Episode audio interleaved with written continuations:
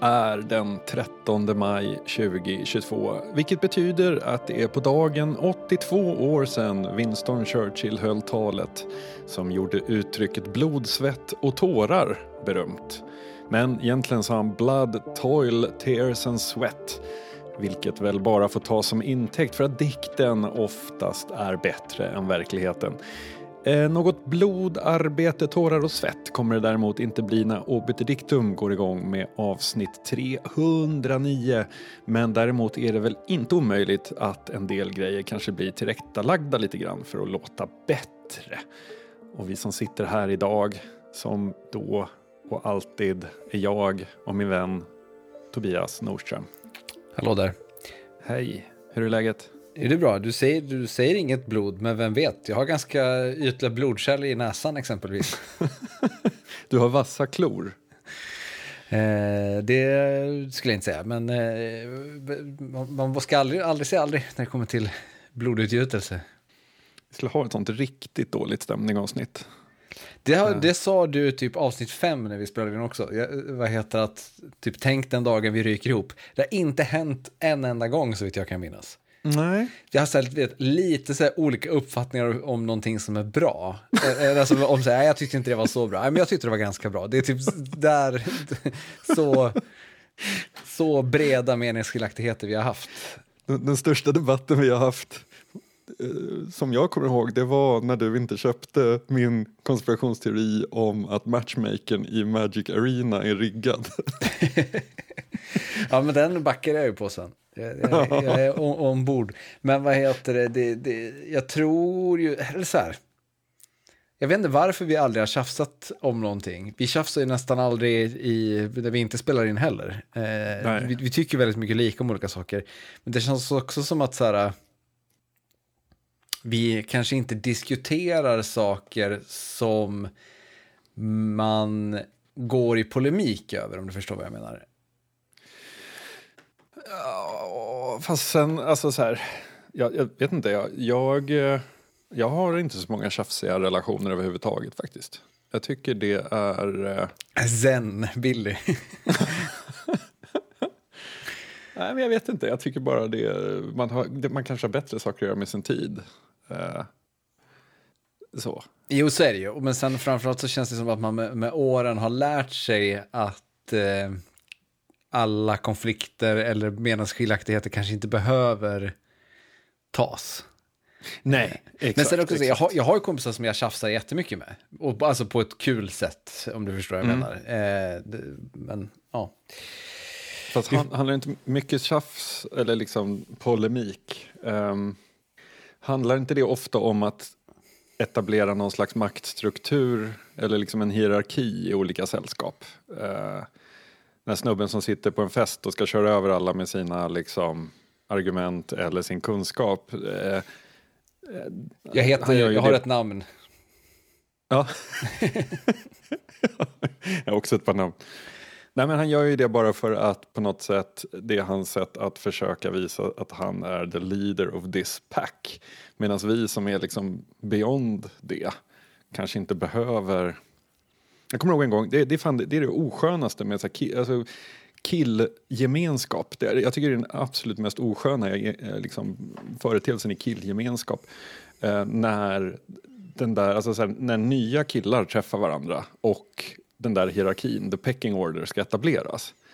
Jag kommer ihåg jag var på en, eh, en, en svensexa som är liksom redan i, i sin ursprungsform så har ju den liksom potential att vara oskön. Men det här var på väg, med taxi på väg till det första anhalten så, här, så sitter vi i bilen och så är det, jag känner nästan inga här, jag känner liksom blivande brudgummen och en till. Så en som frågar så här, vad, vad, vad jobbar du med? Då? Så här. Och jag berättar att jag jobbar på, på Eurosport. Och han säger, åh fy fan, jag har den karriären så jävla mycket dåligt där. Och man bara så här, ja, trist för dig. Du vet, alltså så här, man orkar liksom inte att så här, uh, ja, fan. Det, vad heter, ja men det, det är också så här, men i de lägena tycker jag att då, då bryr man sig ju inte. Alltså för att man uh, obviously pratar med en idiot. Alltså förstår du? Alltså det... jo. jo, fast om jag också hade varit en idiot så hade jag kunnat börja argumentera för varför Eurosport är en viktig kanal. Vi har bredden för fan, vi har ju, med, vilka andra kanaler sänder tyngdlyftning? Kan du säga någon? Alltså du vet, man, kan, man hade kunnat välja den vägen. Uh, men det gör man ju inte. Nej, man gör väl inte det. Men det här för oss faktiskt in på lite grann på att jag har hittat ett kraftdjur. På, på ett litet otippat ställe faktiskt. Mm -hmm. ja, det, hjärnan går ju direkt igång eh, på högvarv och tänker hur du ska koppla det här till liksom sen, svensexa, pisskanalen Eurosport etc.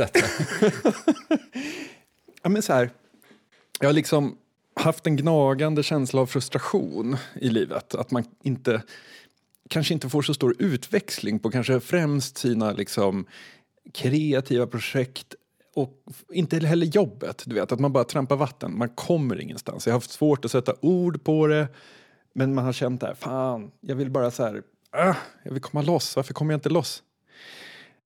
Och Leif Svensson, eh, som är ehm, eh, kommunfullmäktige i, ehm, eh, nu ska vi se, Västervik, förlåt jag tappade, jag sitter här med eh, sajten Dagens Västervik uppe.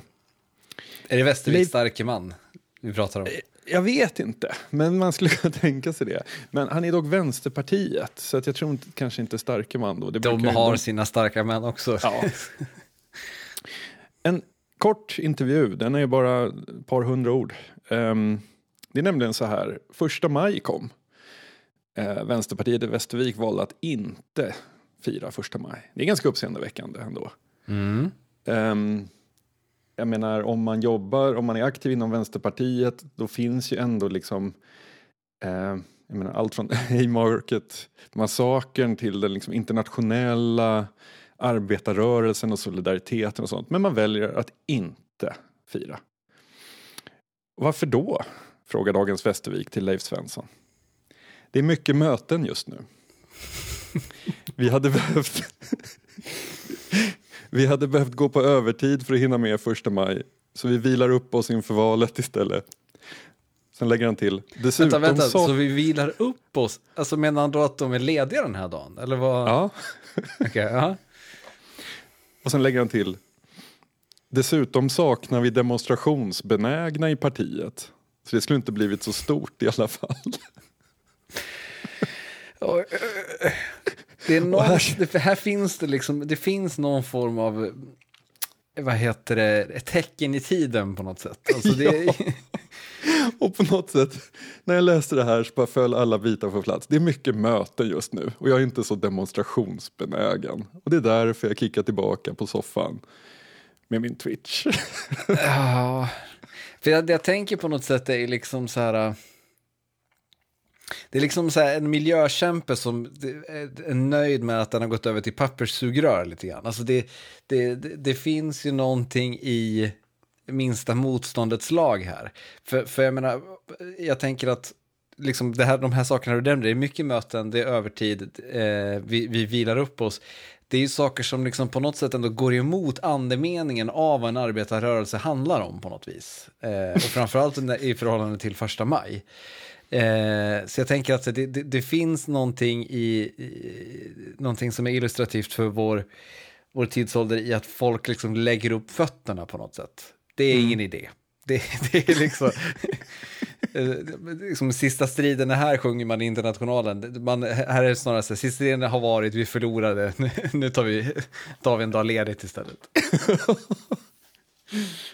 det finns ändå, alltså så här, jag kan ju bli, jag kan bli så här, när, oavsett om det är den här entreprenören som postar sitt dagsschema som börjar fyra när de är uppe och, och, och tränar. Eh, eller om det är den politiska aktivisten som liksom reser runt och, och slåss mot orättvisor. Eh, så finns det någonting i båda typer av engagemang som gör att jag kan känna mig otillräcklig och att jag bara, så här, varför är jag så trött hela tiden? Eh, så jag tyckte ändå det här var befriande. Jag ska, jag ska liksom minnas hans ord nästa gång jag känner att jag borde göra det här Men jag väljer att inte göra det. För att jag är inte så demonstrationsbenägen så det kommer inte bli så stort ändå. Nej, men finns det inte en risk här? För det, det jag tänker, alltså jag förstår vad du, vad du far efter, men det, det finns ju någonting i här att det handlar ju om en dag per år.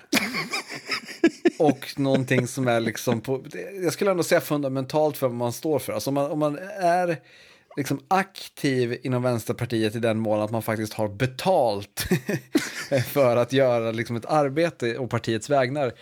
Då får man ju liksom på något sätt tänka att man ändå måste representera idealen som det här står för på något vis. Eh, du förstår vad jag far efter? Att så här, det, det kan, man kan liksom, jag är helt med på att man, att man att man är trött hela tiden. Men man får ju samtidigt inte tappa det som liksom gör en till människa på något sätt. Nej, men det är kanske är det som mycket möten kan göra, att man tappar det som gör en till människa. Jo, men det är också att bara ge upp. Jag, vet, jag blev jättenedstämd av det här. jag, jag gick stärkt ur den. Ja. Härligt. Eh, en person som också haft mycket möten gissar jag de senaste åren är James Cameron. Eh, Fast han, han, inte så, han har inte gett upp.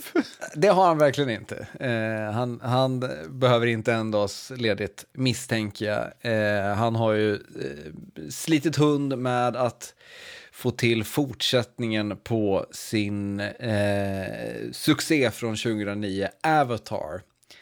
Jag tänker så här, det är lätt att glömma ändå, speciellt nu när liksom så här, i veckan kom då alltså eh, den första trailern till eh, uppföljaren till Avatar, Avatar The Way of Water, som har premiär i december. Eh, det har alltså gått, eh, det kommer då ha gått ganska precis 13 år sedan, eh, vad heter det, den förra filmen hade premiär. Och ehm, den här, jag såg den här liksom trailern spridas, det är liksom lite kommentarer så här på den. Men det är ändå så här, innan vi tar oss an själva liksom vad det här handlar om så skulle jag vilja påminna lite om hur enorm Avatar ändå var.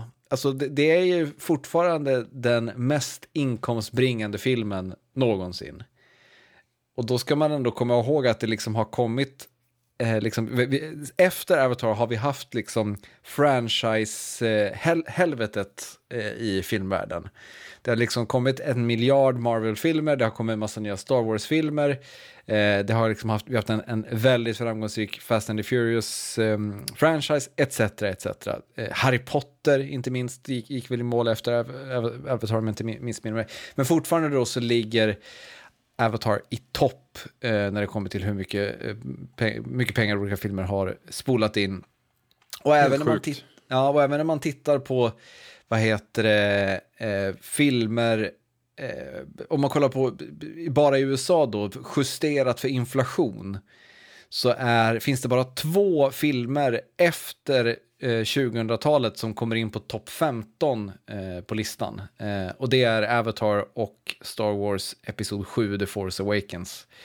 Annars så är alla filmer äldre. Eh, för de som är nyfikna så toppar den listan, eh, toppas den listan av Gone with the Wind som eh, eh sålde över 200 miljoner biobiljetter i USA när det begav sig. Det är helt sinnessjukt. Men eh, var den noir? Tvek, ska jag säga. Men Avatar The Way of Water, eh, du, vad tänkte du på när du såg den här trailern? Alltså det första när du skickade mig länk, eller när jag såg att du eh, hade skrivit in i eh, vårt körschema att du ville prata om den.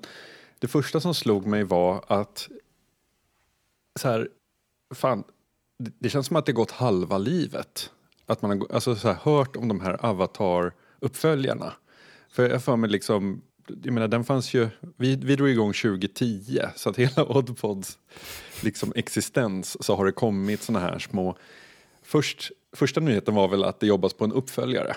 Mm. Sen gick det ett par år, sen kom en ny nyhet som var, vi har tre nya filmer vi jobbar också på en spin-off. Alltså så här, jag tycker att de har strösslat ut små, små eh, nyheter om alla de här stora uppföljarna som de jobbar på. Verkligen. Men det har liksom aldrig hänt.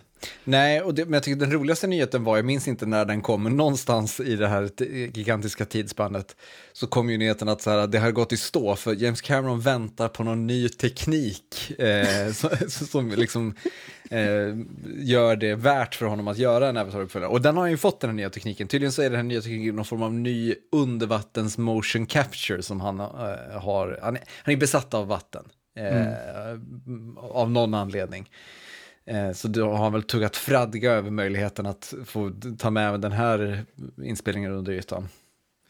Aha. Han har ju mycket... han har, men du vet ja. att han har någon knäpp när det gäller vatten? Kan du ta några exempel? Ja men så här, det var som att när han gjorde The Abyss på 90-talet så slog det slint på något sätt. För sen liksom ägnade han ju bara sig åt att göra sig projekt när han var nere på, på åkte med sådana här ubåtar i Marianergraven och skulle slå världsrekord i vem som var mm, liksom längst ner under under havets yta. Han gjorde Titanic som liksom var typ som en enda lång ursäkt för att finansiera att han skulle liksom undervattensfilma vraket och sånt där. Eh, Sen då så har han ju liksom eh, gjort flera sådana här projekt sen dess och nu då när han ska äntligen få göra en uppföljare till Avatar, det är det första han gör är att bege sig ner under vattenytan en gång till. Eh, mm. Jag tror definitivt han har någon, det, det, är något, något, något skumt med hans relation till vatten. Ja, men det var inte så mycket i första Avatar va? Jag, jag minns någon bäck i uh, djungeln. Typ. Det var inte det stämmer. hav i alla fall. Nej, det var inte så mycket hav. Eh, jag gissar att 3D-tekniken och sånt där var väl inte tillräckligt bra än för att göra snyggt, snyggt vatten. Eh, men vad tänkte du när du såg trailern till The Way of Water? Det första jag tänkte på var att de här eh, blåa figurerna som jag inte kommer ihåg vad de heter. Man tänker att det är de som är avatarer, men det är det ju inte. De, uh, Navi. Navi, just det. Att de var, såg så mycket pajigare ut än man liksom kom ihåg dem som. Det andra jag tänkte på, det var att jag rörde ihop, alltså när jag började säga vad var den handla om, då rörde jag ihop det med den här boken vi läste, The Book of uh, vad hette den? Strange, Strange New Things, är den du tänker på? Just det, The Book ja. of Strange New, New Things. Jag bara, men de men och sen så just det, nej, det var något helt annat. ja. Så när jag läste den så såg jag förmodligen Navis framför mig, det var ju konstigt. Jättekonstigt. Um, jag vet, alltså så här, det är ju väldigt Disney, eller jag vet inte, det kändes så himla cutesy. Ja, men det, det tänker jag, det gjorde ju förra filmen också. I och för sig, det, det, det behöver inte betyda någonting, men det jag tänker på är liksom, jag, jag tror verkligen du är inne på någonting när du säger att de här Navi-figurerna inte ser så häftiga ut längre. Överlag så är det ju på något sätt med att så, den här trailern vill ju liksom bara ha, det, det, liksom första, den är 1.37 lång och första minuten är ju liksom bara vyer. Eh, och den vill ju verkligen liksom visa upp, titta nu kommer ni få återvända till den här mäktiga världen. Mm. Men jag kände också att det finns ju någonting i att världen har kommit ikapp Avatar på ett sätt. Alltså Avatar när den kom var ju liksom häpnadsväckande i hur eh, snyggt gjord den var. Alltså, mm. och, och då framförallt hur otroligt välpolerad 3D-teknologin eh, teknologin var, hur, hur, otroligt bra specialeffekter var, etc. etc. Jag tror liksom ingen tyckte att egentligen att filmen var vet, särskilt snygg estetiskt, men ingen kunde samtidigt förneka att det var eh, liksom välgjort. Men jag menar så här, googla ett tv-spel som kom 2009 och titta på hur det såg ut och jämför med ett tv-spel hur det ser ut 2022 Mm. så inser man ganska snart att när man hade spelat Assassin's Creed 2 och sen gick och satte sig och kollade på Avatar så insåg man att wow, satan vilken jävla skillnad. Mm. Men nu när man tittar på trailern till The Way of Water så ser ju allt ut så här. Alltså mm. varenda, varenda storbudgetfilm nu för tiden är ju liksom 95% green screen, så, så det är precis de här datorgenererade miljöerna. Alla data-tv-spel har nästan lika bra grafik som en, som en, en långfilm. Så det här är liksom inget som sticker ut. Förstår vad jag far efter? Nej, det, det jag reagerade på var att det snarare kanske var för bra för att det var nästan uncanny valley. Det var liksom inte, Navis var inte um, helt realistiska, men de var väldigt realistiska. Och det, det blev, ja. Uh, och jag håller med, jag, jag tror att det, eh, det liknar ju väldigt mycket, alltså det har ju funnits ett par sådana eh, rullar under åren som när de kommer är långt före, alltså det typ, ta Matrix, när den kommer första gången och man eh, själva liksom formen för berättandet är li lika starkt eller starkare som berättelsen. Um, så att där och då i sin tid så slår den ner och är liksom en upplevelse som går bortom historien den försöker berätta.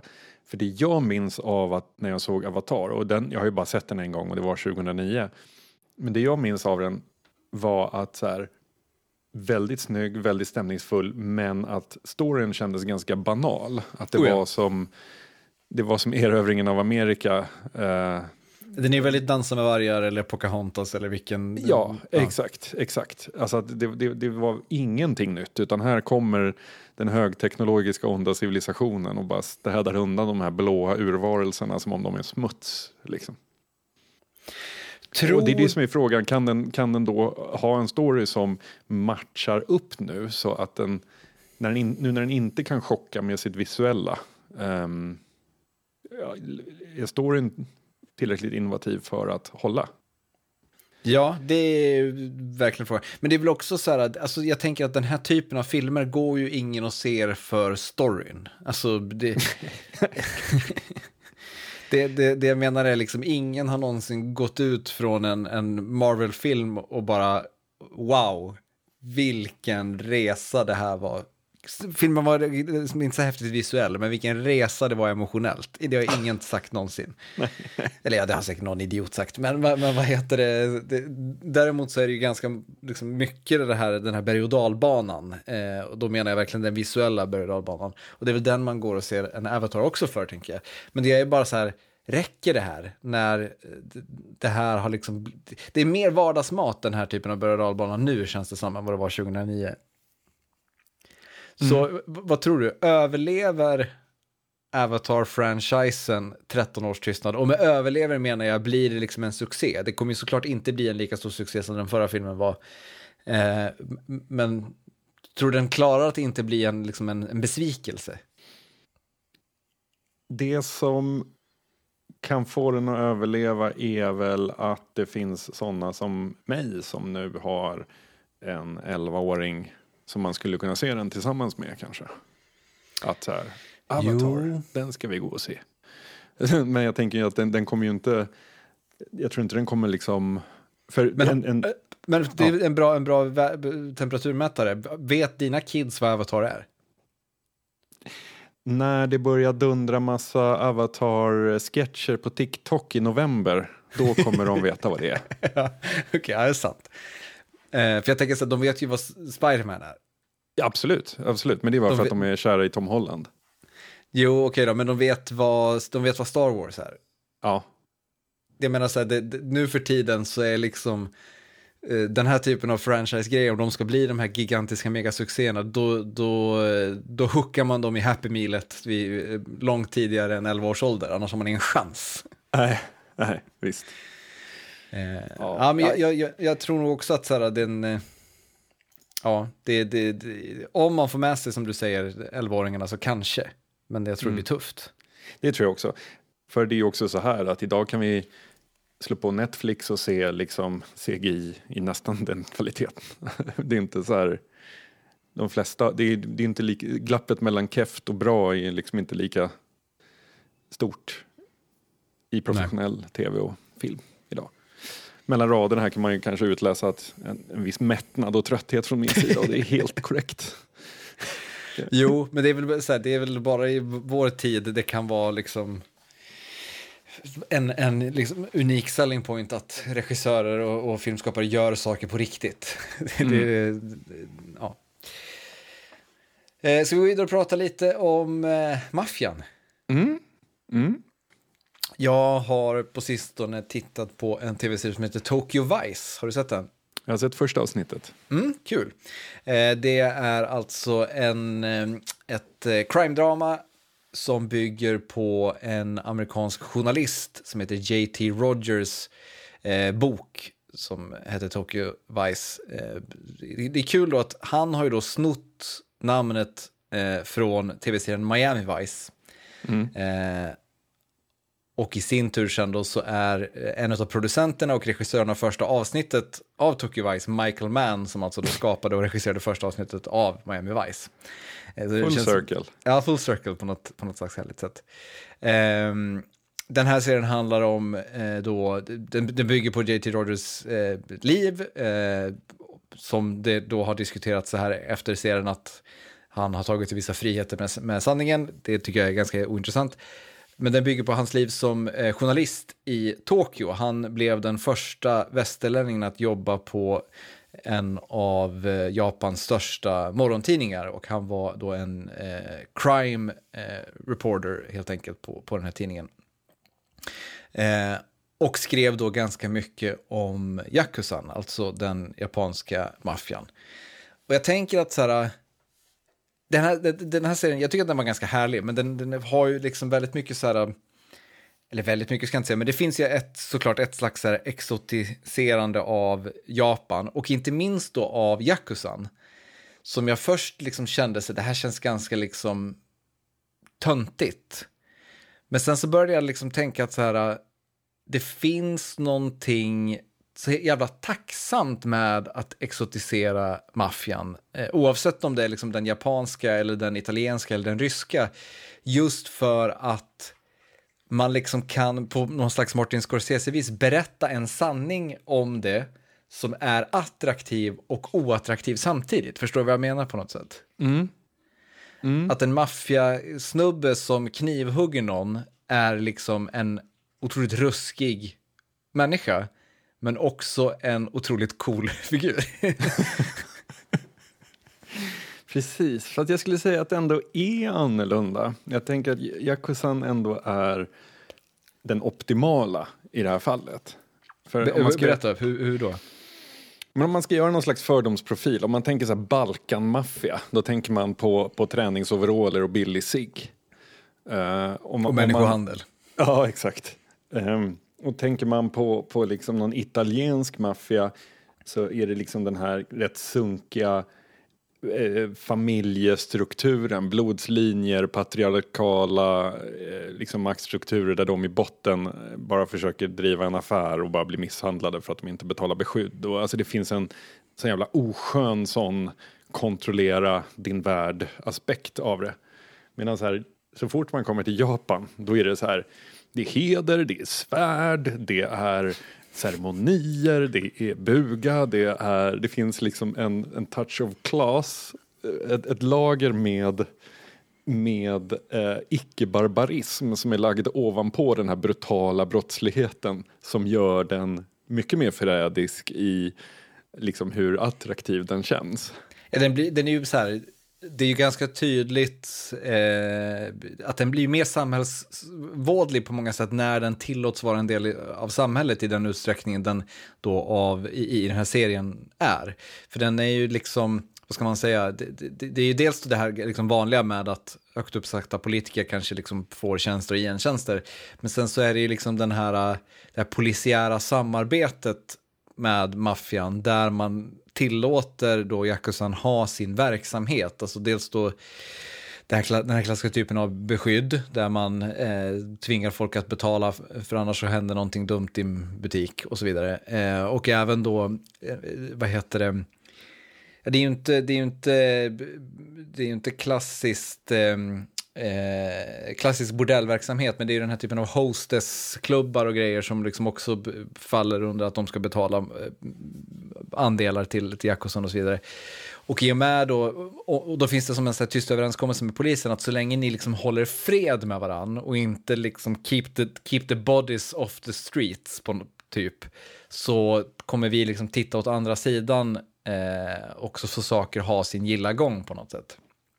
Och det är ju på många sätt ett mer korrumperat system än, än, än liksom ett, ett öppet krig mellan eh, maffian och rättsväsendet på något plan.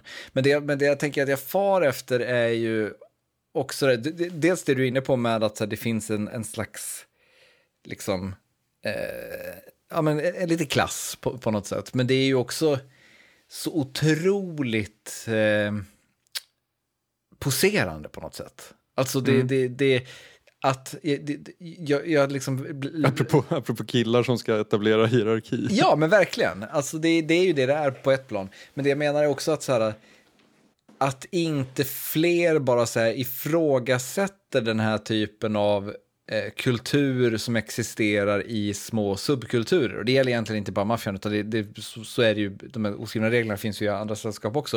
Men jag menar, en, en ma maffiastruktur bygger ju ändå på att så här, man kan göra lite vad man vill. Eh, men ingen gör det. eh, den där hederskodexen blir på något sätt... Ja, men den blir... Eh, jag vet inte, jag förstår vad jag far efter med att den, den på något sätt inte riktigt... Den inte hänger ihop på ett plan. Ja... Ja... Alltså, ja, det gör jag nog inte. Jag förstår, nog- förstår inte helt. Ja, men så här, att så här, eh, maffian bygger liksom på att man kan göra saker som annars är olagliga, som annars är frowned upon av samhället och så vidare och så vidare. Men man väljer ändå att liksom bara låta saker fungera som de fungerar. Istället, alltså, det, det, bygger på att så här, ha makt, roffa åt sig tillgångar och så vidare. Men man gör inte det mer än vad man liksom har kommit överens om är okej. Att det är Just på det. ett plan orimligt. Eh, för att det, man, man motverkar egentligen det som är själva grundidén med det man pysslar med på ett plan. Fast är det inte så att så här... är vi inte tillbaka i Västervik nu, där det är för många möten för att fira första maj? Att så här, även i en sån struktur som är organiserad brottslighet och sånt, så här, ja, på, på alltså, ytan skulle man kunna säga att det är anarki eller liksom att det är vad som helst är möjligt och sånt. Men sen när du väl är inne i den där, då är det ändå massa strukturer du måste förhålla dig till och liksom, om du gör fel, då är det ju du som blir nackad och hamnar i kanalen med betongfötterna. jo, jo, så är det väl. Men ehm, ja, jag vet inte, det, det, det är ju någonting, just, just den här typen av skildringar av, av organiserad brottslighet, den är ju så, um, med Gudfadern och, och liknande, det är ju ingen som går ifrån en sån film med äckel i munnen. Förutom Nej, Alltså det, det, finns, det finns någon sån här eh, bizarr känsla av struktur eller liksom en, um, någonting som är förutsägbart mm i en värld som är i kaos över de här organisationerna på något helt bisarrt sätt. liksom. Jo, verkligen. Eh, och men då, det är också så här, det, det, det du är inne på på något sätt som också förenar Gudfadern med den här skildringen är ju liksom det här med heder, men det finns också en smakfullhet på något sätt. Där tycker jag ju liksom att eh, till exempel Sopranos gör ett bättre jobb med att berätta om, om maffian i att Ja men så här, ma- maffiapersoner ser inte ut som Al Pacino, de, de ser ut som eh, Paulie Walnuts. Alltså, och det, det tänker jag liksom en, de är liksom lite, lite, ja, men lite feta, det är, man är glad om man får käka lite gabagool och, och titta på någon strippa typ. Det, Ja. det, de, de är liksom mer som den här, den här eh, svensexa-killen som tycker att Eurosport är piss än, än, eh, än intellektuella personer som har läst Hamlet. Eller sett Hamlet. Ja men verkligen. Men eh, värd att kolla vidare på tycker du? Om jag har sett första. Eh, om du sä- t- titta tre, om du, om du gillar det då så kan du definitivt fortsätta. Eh, men men eh, jag var lite besviken på slutet. Mest för att det, det Inga spoilers. inga spoilers. Ja. Vad sugen du blev nu när jag sa att jag var besviken på slutet. Ja, ja visst, visst. Jag såg en trailer för en ny komediserie. Eller komediserie, det är någon slags mockumentary-format av skaparna bakom American Vandal. Um, den heter Players och handlar om ett e-sportslag. Um, man hör liksom ljudet av förväntningar som stiger, eller? jag, Gör man? jag, var, jag var sarkastisk. Ehm, ja, men det handlar om ett, om ett e-sportslag där av trailern så, så ser man att det han, jag gillade American Vandal mycket, det var därför jag blev så här nyfiken. Ha, eh, nytt från hen, jag vet inte vem det är ens en gång. Jag, jag är förbi namedropping. Um, jag bara går på titel, det är så här på bensinmacken. Man tar CD-skivan som står längst fram. Men jag hoppas du har lärt dig vid det här laget att från skaparna av betyder ingenting. Nej. Nej, visst. Um, men eh, det handlar om ett e-sportslag, ett League of Legends-lag uh, där det spelar en verklig legend med handlet Cream Cheese. Um, och det här e-sportslaget, de heter Fugitives och ska till en stor turnering. Eh, men så är det någon spelare som får sparken och den nya Wunderkindet, eh, Organism, eh, plockas in i laget och det ser ut som att det här blir en eh, serie som mycket handlar om konflikten mellan det nya underbarnet Organism och eh, den levande legenden Cream Cheese. Och... Det riktigt roligaste i hela trailern var när de pratade om, när de presenterade Organism och pratade om att han spelade så mycket att han vägrade gå från skärmen och fick därför smeknamnet PJ, eh, som stod för Piss Jar, för att han då pissade i en burk. och grejen är så här, jag tänker jättemycket efter att ha sett den här trailern. Uh, det ena är så här, är, är det här bara ett försök att locka, alltså målgrupp för det här, är det bara de som är helt nere med, med e-sport och liksom League of Legends-turneringar. Så att man, det kommer att vara jättemycket små referenser som man måste liksom följa det här, eh, den här världen för att plocka, tror du? Nej, alltså jag tror definitivt att det kommer vara så att man får ut mer om man är no lite bevandrad i den här världen. Eh, så är det väl, tänker jag, med alla skildringar av liksom, smala kulturella företeelser. Men jag, fick, jag tänker liksom att så det är väl som, det känns ju som att den här har sneglat väldigt mycket på Spinal Tap, eh, mm. som vi pratade om här om veckan också av en, av en av, när vi pratade om F1, den här F1-dokumentärserien, eh, vad heter den, Born to Race? Nej, vad heter Drive den? to Survive. Drive to Survive. Um, lika, lika platt titel jag som jag kom på från höften. Ja, ja, ja, vad heter det? uh, men att så här, det, det, det, finns ju den här uh, Spinal Tap-vibben av att så visst, du kan titta på Spinal Tap och garva åt saker även ifall du aldrig har liksom hört ett metalband. Men om du har sett metall, någon liveupptagning med Metallica eller något ännu pajigare metalband så kommer du eh, antagligen skratta lite mer därför att du kommer känna igen liksom den här uh, det, estetiken som finns och det här, uh, hur, hur, den här världen fungerar lite grann. Mm. Uh, och vad som värdesätts.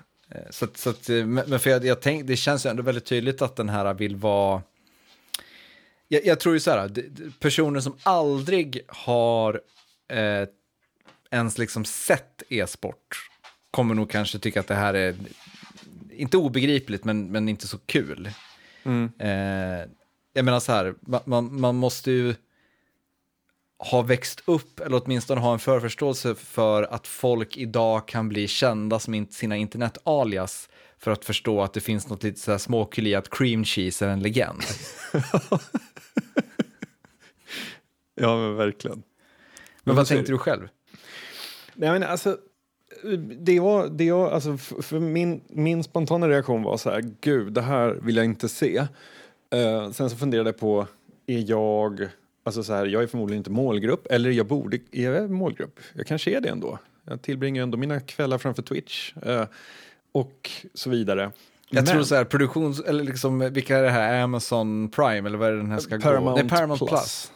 De skulle nog, eh, där skulle nog PR-avdelning få panik om du, du, sa att du var målgrupp. Men det handlar nog mer om, om liksom, eh, din ålder än dina intressen. Ja. De vill rycka 20-åringar från Twitch. Ja, men lite så. Till Paramount Plus. Ja.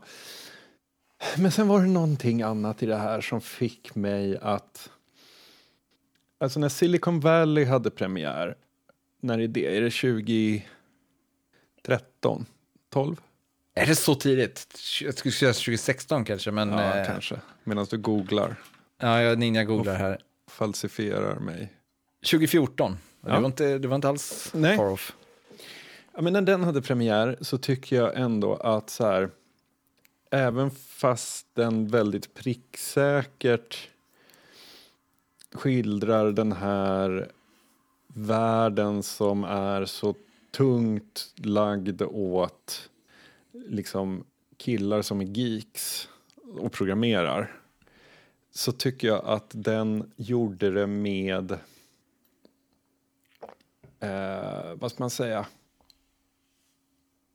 den, alltså hånet var mot industrin snarare än individerna.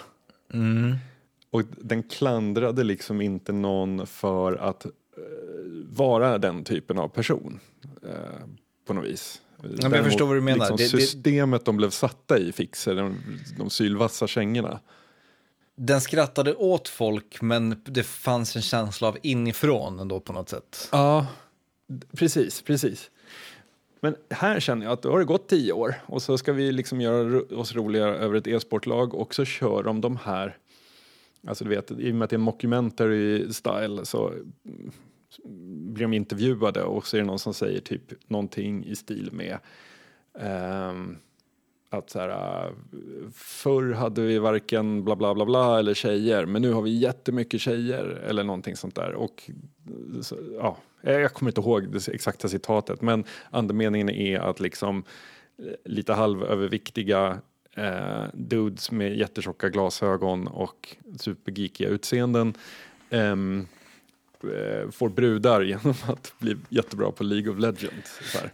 Fast det tycker jag är lite en missrepresentation av vad den här trailern ändå förmedlar. För det är ju inte liksom, det är ju inte, alltså så här, det är klart att cream cheese framställs som en diva, men det är ju inte som att så här, den här eh, eh serien kommer handla om vilka svin eh, datakillar är. Nej, nej, nej. Det- Men det jag menade var liksom inte att, att det skulle liksom på något vis, sätt visa att de var, var svin, utan snarare så här att den... Dels tycker inte jag det mappar mot alltså de som faktiskt är, alltså hur e-sportscenen faktiskt ser ut idag. Så liksom, det här är väl, det här är ju liksom en jättekonstig... Jag, jag menar inte att dra till e-sportscenens försvar heller, jag vet inte vad jag vill komma. Jag bara ty- så här att det kändes ju ganska trött att 2022 köra den här kolla en geek som är kung bland geekarna eh, ingången. Mm. Men det. jag tänkte, alltså jag, det jag gillar med den här trailern och som gör att jag faktiskt kommer titta på några avsnitt är ju också att det inte är så mycket som är kul. Och det, och det tänker jag tala till den här seriens fördel, för det hade varit så mycket värre om det här kändes som en, liksom en SNL skit. det. Alltså, och Just det hade varit liksom garv, garv, garv. Det är liksom så här, de beter sig super eh, märkligt eller kaosartat för att det liksom ska vara tydlig humor. För jag, jag, så här, om man gör en dokumentär så är ju liksom den där fingertoppskänslan är ju allt. Att det ska liksom så här vara precis tydligt när man kommer åt någonting som är kul. Just det. Det, för det får inte vara en sketch, för då dör hela dokumentärgreppet. Men det får inte heller vara liksom för mycket verklighet, för då blir det inte roligt. Utan det, det, det är det som är liksom det bökiga på något sätt med, den här formen. Och att det inte är några tydliga garv i eh, trailern tänker jag liksom tyder på att antingen så är den bara inte rolig och då är det, ju är det en, eh, inte så kul att titta på överhuvudtaget. Eller så är det liksom så här eh, att eh, humorn sitter liksom i detaljerna, i den mänskliga naturen och hu, liksom hur människor i den här kulturen är på något sätt. Eh, det är min förhoppning i alla fall. Och jag tycker ändå så att de liksom så här hittar en ganska bra tonträff i någon form av känsla som finns i e-sportsvärlden där saker liksom blir, ja men lite grann det som jag var inne på med Drive to Survive, alltså att saker blir upp eh, förstorade och liksom så här eh, uppblåsta eh, trots att det liksom inte riktigt finns någonting där. Alltså det finns inga riktiga de här känslorna som man försöker liksom producera på något sätt. det är ju det är liksom ett jätteproblem. det är inget jätteproblem, men det är ett problem att när man liksom har prisutdelningar på e-sport att så här, de ser liksom så knappt glada ut. Alltså det är inte den här man har liksom tittat för mycket på vanlig sport. Man vill, man vill liksom att det ska kännas som du vet när någon ukrainsk tyngdlyftare som har eh, slavat hela sitt liv eh, och har liksom krig hemma, vinner ett OS-guld för sitt land och gråter. Det är liksom den känslan mm. de tittar på eller vill åt på något sätt. Men, men den känslan finns liksom aldrig där. Det är liksom bara lök i house och fyrverkerier istället. men vet du, det jag önskar efter att ha sett det här. Och det här är min pitch. En The Wrestler om e-sport. Karpaltunnelsyndrom, man har förlorat sitt aim. Livet... Det, är väl, det är väl bara att göra en dokumentär om Heaton så är du där. Fast jag tänker att Heaton, han har blivit liksom en eh, en eh, medieprofil. Olof Meister gör Elgiganten-reklam. Inte dem, utan det ska vara mörkt. Tro mig, jag, tror, jag är helt övertygad om att det finns mörker i Hitons liv. Ja. När han sitter och gör de här, vad heter det, reklam för komplett.se och med, med, sin webbkamera, så det, det är inte ljust.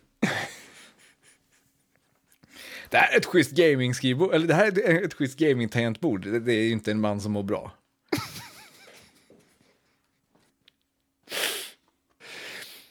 Ska vi prata om en annan man som inte mår bra den sista stunden av eh, veckans podd. Vi har sett tv-serien Severance. Eh, ni har tipsat oss om den, jättemånga av er. Och eh, vi kommer prata om den nu och nu är det spoiler, eh, det kommer inte vara spoilerfritt. Nej. Utan vi eh, kör stenhårt. Vi, vi, du, vi pratade om den för några veckor sedan och då ville du prata om datorsystemen och, och estetiken ja, ja, på precis. Den 70-talslooken, att allting är liksom... Och vet du, med... Alltså det var så sjukt. Jag satt här och pratade och jag kom av mig. Man hör i avsnittet när jag kommer av mig. För någonstans medan jag sitter och pratar så inser jag att tänk om hissen är en tidsmaskin. Så jag börjar lägga pusselbitarna. Är det så? Är det färdas de i tiden när de åker hissen till det här severed floor? Eh, eh, ja, du vet. Sen så, ja. sen så prov, provtryckte jag de tankarna på, på min tjej och hon kom direkt med argument mot och jag förstod att nej, jag var ute och cyklade. Men eh, ja, då var min hjärna i hög snurr. Men på ett sätt har du ju rätt att den är, nu är vi inne i spoilerterritorium, så, så har ni inte sett klart Severance eh, eller bryr er om att vara ospoilade så... Ska vi ge en jättesnabb recap för de som inte har sett och inte ja, vill se? Ja. Um, ett stort företag, ett megacorp, ingen vet vad de jobbar med. Eh, de har en våning som man tar hissen ner till och det är en våning där alla som jobbar eh, inte har några minnen av sitt, sitt yttre jag, alltså den de är på utsidan, utan vid den här färden i hissen så switchar de om, eh, vilket betyder att deras arbetspersonas lämnar ju aldrig kontoret. De går in i hissen vid arbetsdagens slut och sen så säger det poff så är de tillbaka på på jobbet när deras yttre jag anländer på morgonen.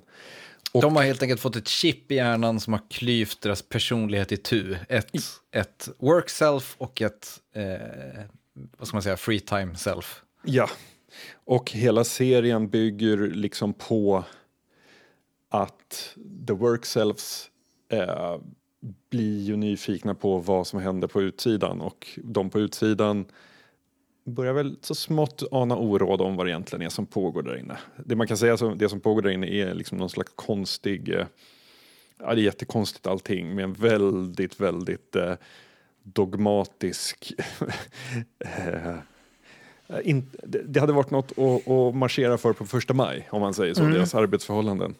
Men det där tycker jag är väldigt intressant med den här serien, att den har i sig också någon slags personlighetsklyvning i att eh, den, om man tittar på liksom den delen av berättelsen som utspelar sig på utsidan, alltså utanför arbetet då, eh, den följer då eh, en, huvudpersonen spelad av Adam Scott som liksom sakta men säkert börjar inse, han, han, han är enk, enkling, hans fru har dött i en eh, bilolycka eh, och han börjar eh, och han, när serien börjar bryr sig inte han överhuvudtaget om sitt work self, eh, utan tycker att det är liksom toppen, det här med att han inte behöver gå och jobba, utan han har någon annan i hans huvud som går och gör det åt honom.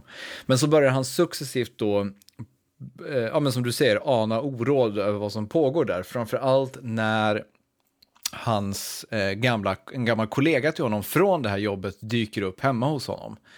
Eh, och liksom förklarar att så här, jag kommer ihåg både och. Eh, och här, här tänker jag att så här, det finns en, en, ett, ett problem jag har med serien är att på den här utsidan då så vill den här serien vara lite av en så här mystery thriller typ. Mm. Man undrar lite så här, vad är det som pågår i den här världen? Han bor granne med sin chef, men han vet inte att det är hans chef då för att hon låtsas inte om någonting trots att hon eh, då ja, kommer ihåg saker som händer på jobbet och så vidare. För hon är inte severed. Exakt, hon är inte severed.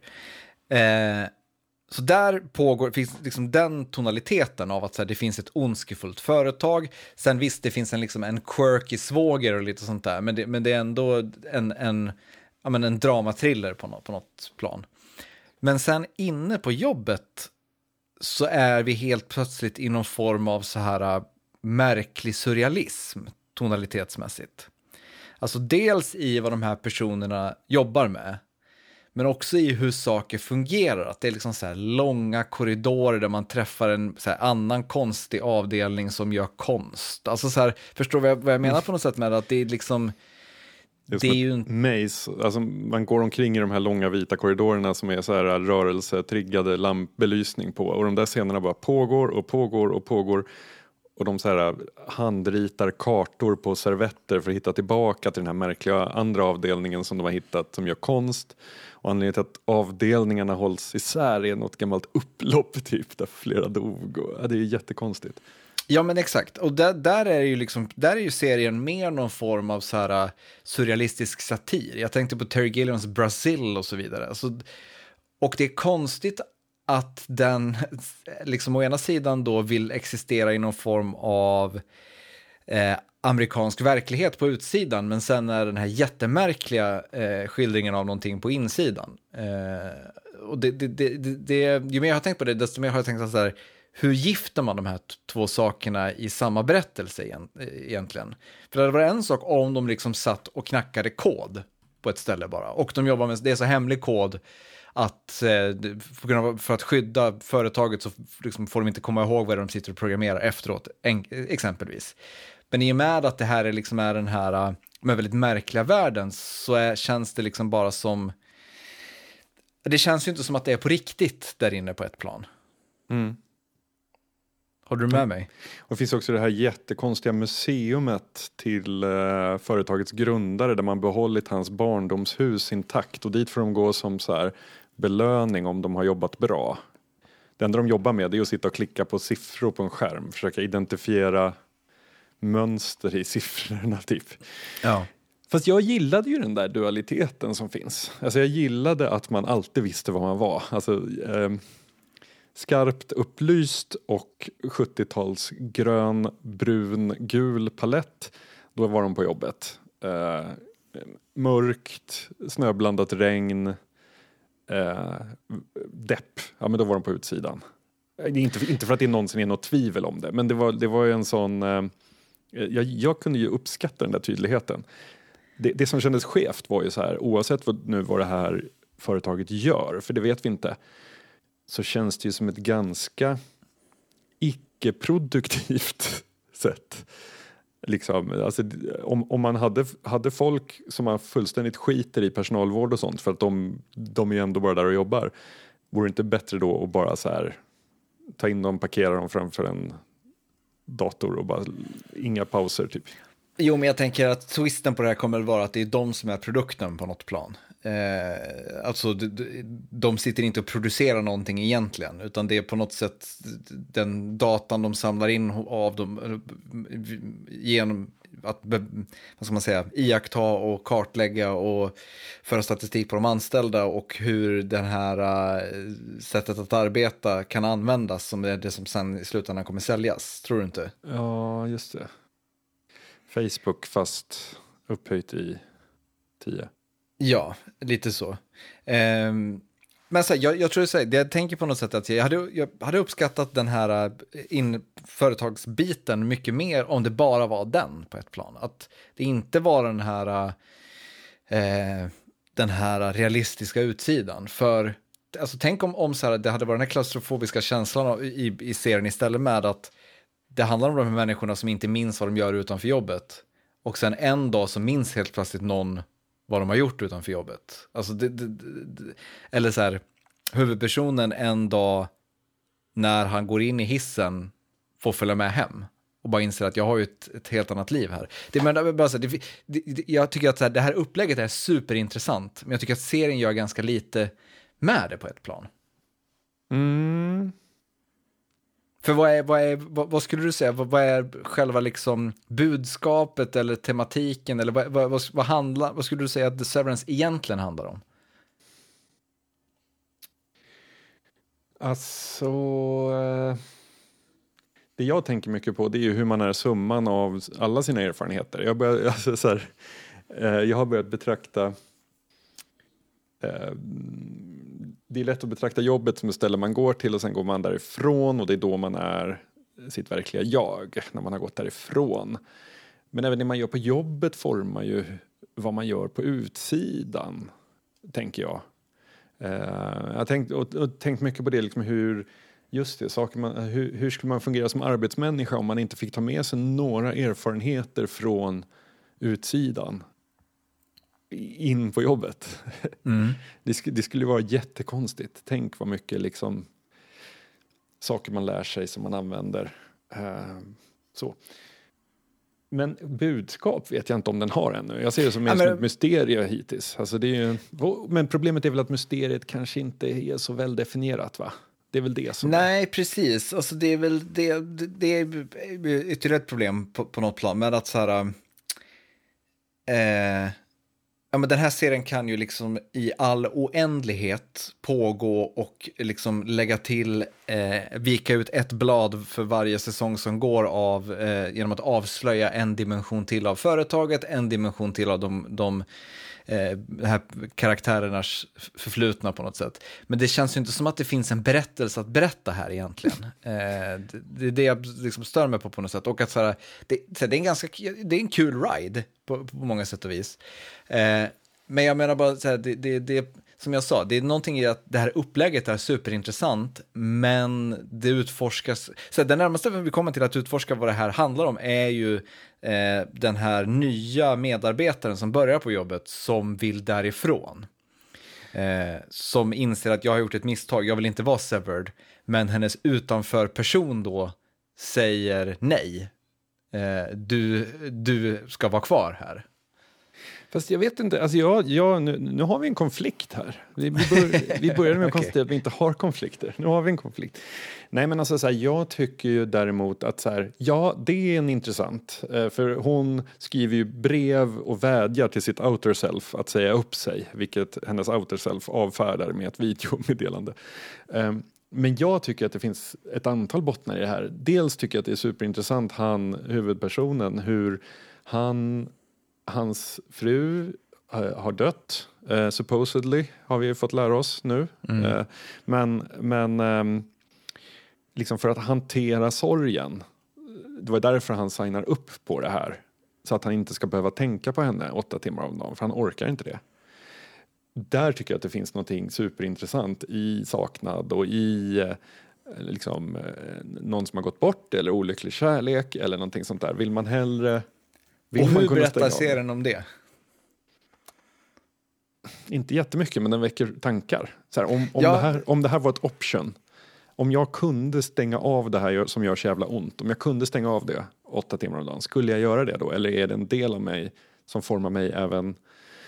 Eh, alltså, kan jag vara hel mm. om jag inte bär den grejen och bearbetar den? Men det är lite samma sak där, jag hade köpt det definitivt om outer selfet i den här serien, eh, om hans resa handlade om det. Men hans resa handlar ju om att inse att undra vad som hände på jobbet. Alltså, så här, visst, det, det liksom görs en grej av att han de, definitivt är deprimerad, men sen halvvägs in i första säsongen då så introduceras liksom det här mysteriet istället. Mm. Och då är det ju som att så här, då är vi egentligen inte riktigt så här, särskilt intresserade längre av så här, hur han mår och hur hans sorg över den bortgångna frun påverkar honom som människa. För då vill man ju bara veta så här, ja, hur, här, hur ska det gå nu när du har fått, kontakt med den gamla kollegan, etc. etc. Kommer du så här, inse att det, att det sker massa saker och så vidare. Eh, så att, så, återigen, jag tycker liksom så här, att det, det, är ganska kul att titta på det, men mest bara för att så här, man undrar så här, hur ska det gå? Mm. Eh, men jag så var lite besviken, för jag var så jävla liksom, hookad efter två avsnitt och tänkte det här är superintressant, Mm. men insåg sen liksom att så här, fast det säger inte så mycket om någonting utöver det liksom. Fast är inte det the story of our lives på något vis? Jo, på ett plan så, så är det ju det såklart. Eh, men, men det blir ju liksom alltid mer påtagligt tycker jag när man känner att man har ett upplägg som öppnar upp för de här sakerna. Mm. Eh, det jag menar liksom så här, vi, vi pratade mycket om Raised by Wolves, om vi skiter i andra säsongen för tillfället, men när vi pratade om första säsongen så var det ju liksom på ett sätt samma sak med den. Att det var mest, mest att det väckte, väckte tankar, eh, det kanske inte sa så mycket, men där fanns det liksom åtminstone en berättelse att berätta på något plan. Med liksom de forna civilisationerna, kriget och liksom hur mänskligheten väljer att tackla oegentligheter etc. Ja, och nu, du bjöd ju mig på en helt fantastisk middag här eh, och efteråt så gick vi och tog en eftersläckare och när vi satt och drack öl så kunde vi inte hålla oss från att börja prata om det här och det första du utbrast var det här är JJ Abrams mystery box för fan. Ehm, och jag håller med därför att det här, det här fullständigt bisarra museet till, till uh, den store ledaren, liksom, den, så här nordkoreansk eh, företagsfilosofi. Typ. Det där museet och eh, det här konstiga eh, eh med loren som finns om det här blodiga slaget som har varit mellan avdelningarna en gång i tiden och att det är därför de hör, hålls separerade och sådana här saker. Alla de grejerna, det är ju väldigt mycket JJ Abrams eh, tidig Lost. Ja, så har vi en hatch här och så har vi några siffror. Man bara, vad betyder det här? Eh, och i slutändan så betyder det förmodligen ingenting utan ja. Eh, Jag håller med delvis om det, men jag, eh, ja, jag gillar den ändå svinmycket. Jag kommer ko- definitivt kolla på säsong två, eh, men jag tror så här, har jag samma känsla efter säsong två så kommer jag inte se, se säsong tre. Eh, Ja. Jaha, det var den första podden på länge utan noir-cirkeln och vi klarar oss ändå faktiskt. otroligt, men det gick. Känns lite tomt. Mm. ja. Um, det är väl dags att eh, lägga locket på, dra sig tillbaka. Ja, vi hörs igen om två veckor. Om ni vill så får ni hemskt gärna stötta oss på eh, Patreon. Vi eh, pratar inte ofta om att vi, att vi har en Patreon vi, och vi låter aldrig ta säkert mycket utrymme i, i podden, men vi uppskattar väldigt mycket pengarna vi får därifrån och eh, om det är någon som lyssnar som inte stöttar oss på Patreon men känner att det skulle jag kunna göra. Man kan liksom bidra med hur lite man vill. Eh, så gå in på eh, patreon.com oddpod så kan man hjälpa oss där. Tack så mycket. Vi hörs. Ha det fint.